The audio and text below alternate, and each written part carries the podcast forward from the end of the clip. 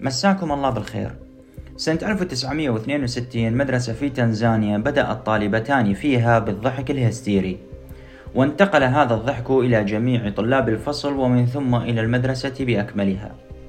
فأغلقت الحكومة التنزانية 14 مدرسة لمدة 16 يوما لأن الضحك انتقل إلى جميع أبناء القرية.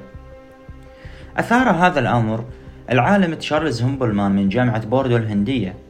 ورأى أن السبب من الضحك هو التوتر وحسب رأيه أن تنزانيا في بداية الاستقلال والضغط على الطلاب كبير. وهذا ما نراه كثيرا في الامتحانات وأفلام الرعب والاجتماعات المهمة وغيرها. فالتعامل مع الضحك على أنه شيء فكاهي فقط هذا تعامل غير دقيق وغير صحيح. فعالم الأعصاب الأمريكي روبرت بروفن نزل للشارع مع بعض الباحثين.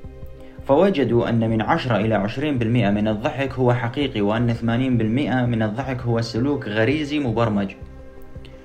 فالعلماء وجدوا أن لمس الأماكن ذات الحساسية العالية التي تسبب الدغدغة ترسل إشعارا إلى المخ إلى الغدة النخامية. فتنشط المواقع المسؤولة عن الألم ومنها تنشط المواقع المسؤولة عن السعادة لأن ميكانيكية الجسم تعمل كطريقة دفاعية للتقليل من الألم وبالتالي فإن الضحك يقلل من هرمون التوتر الكورتيزول وكذلك هي آلية دفاعية ضد الألم الجسدي. يقول الدكتور في جامعة إكسفورد روبن دنبار أن الضحك مرتبط بزيادة القدرة على تحمل الألم لأنه يحفز مادة كيميائية في الجسم اسمها الإندورفين وكلما زاد الألم كلما حفزك المخ على الضحك أكثر. لكن أحيانا يتفاقم الأمر ويصل مرحلة ال PBA وهي عبارة عن نوبات ضحك مثل الصرع وغيرها. فالإحصائيات تقول أن 2 مليون في أمريكا مصابون بنوبات الضحك وسبعة ملايين آخرين ظهرت عليهم الأعراض. وهذا يعني أن عدد المصابين فيه أكثر من عدد المصابين بالإيدز بالعالم بحسب إحصائيات 2019 فلو كان الضحك يدل على صحة الإنسان النفسية لوجدنا الممثلين الكوميديين هم أكثر الناس صحة.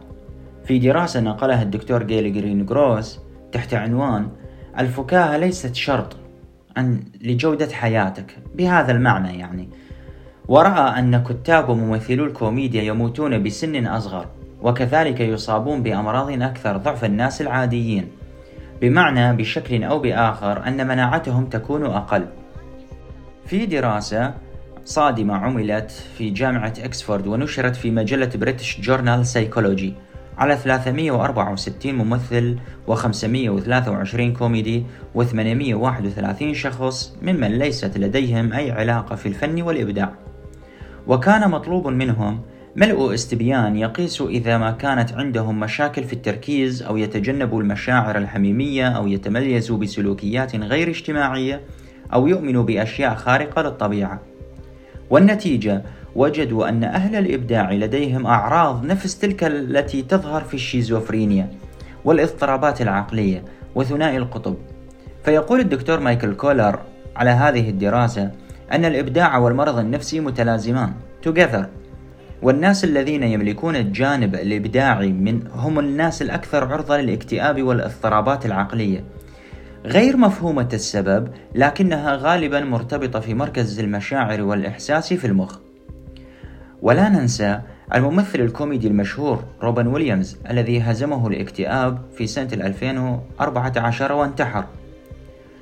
وبسبب انتحاره هذا بدأ الباحثين يتساءلوا ويبحثوا أكثر عن سبب هذه الظاهرة الغريبة. يقول الدكتور جوردن كلاريج في هذه الدراسة أن ممثلو الكوميديا لديهم قدرة أقل بالإحساس بالمتعة ودائما نظرتهم سوداوية باتجاه المجتمع وأن نظرتهم السوداوية هذه تساعدهم في حسهم الفكاهي. في إحدى الدراسات على 123 متطوع قسموهم إلى قسمين وعرضوا عليهم نفس الصور. لكن أحد الفريقين عرضوا عليه بين الصور كلمة موت death. في أجزاء من الثانية يكفي لأن تنطبع في عقلهم اللاواعي.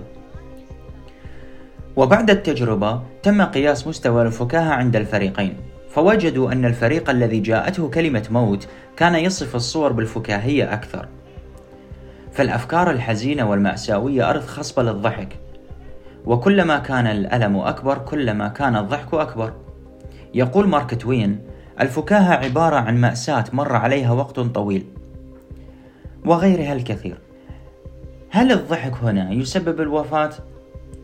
الكاتب الاسكتلندي الارستقراطي توماس أوركارت لو دخلت على الويكيبيديا ستجد أن سبب الوفاة هو الضحك عندما علم أن تشارلز الثاني في منظره المضحك البهلواني وصل لحكم إنجلترا واسكتلندا وإيرلندا. وكذلك أليكس ميشل مات بسبب نوبة ضحك استمرت 25 دقيقة.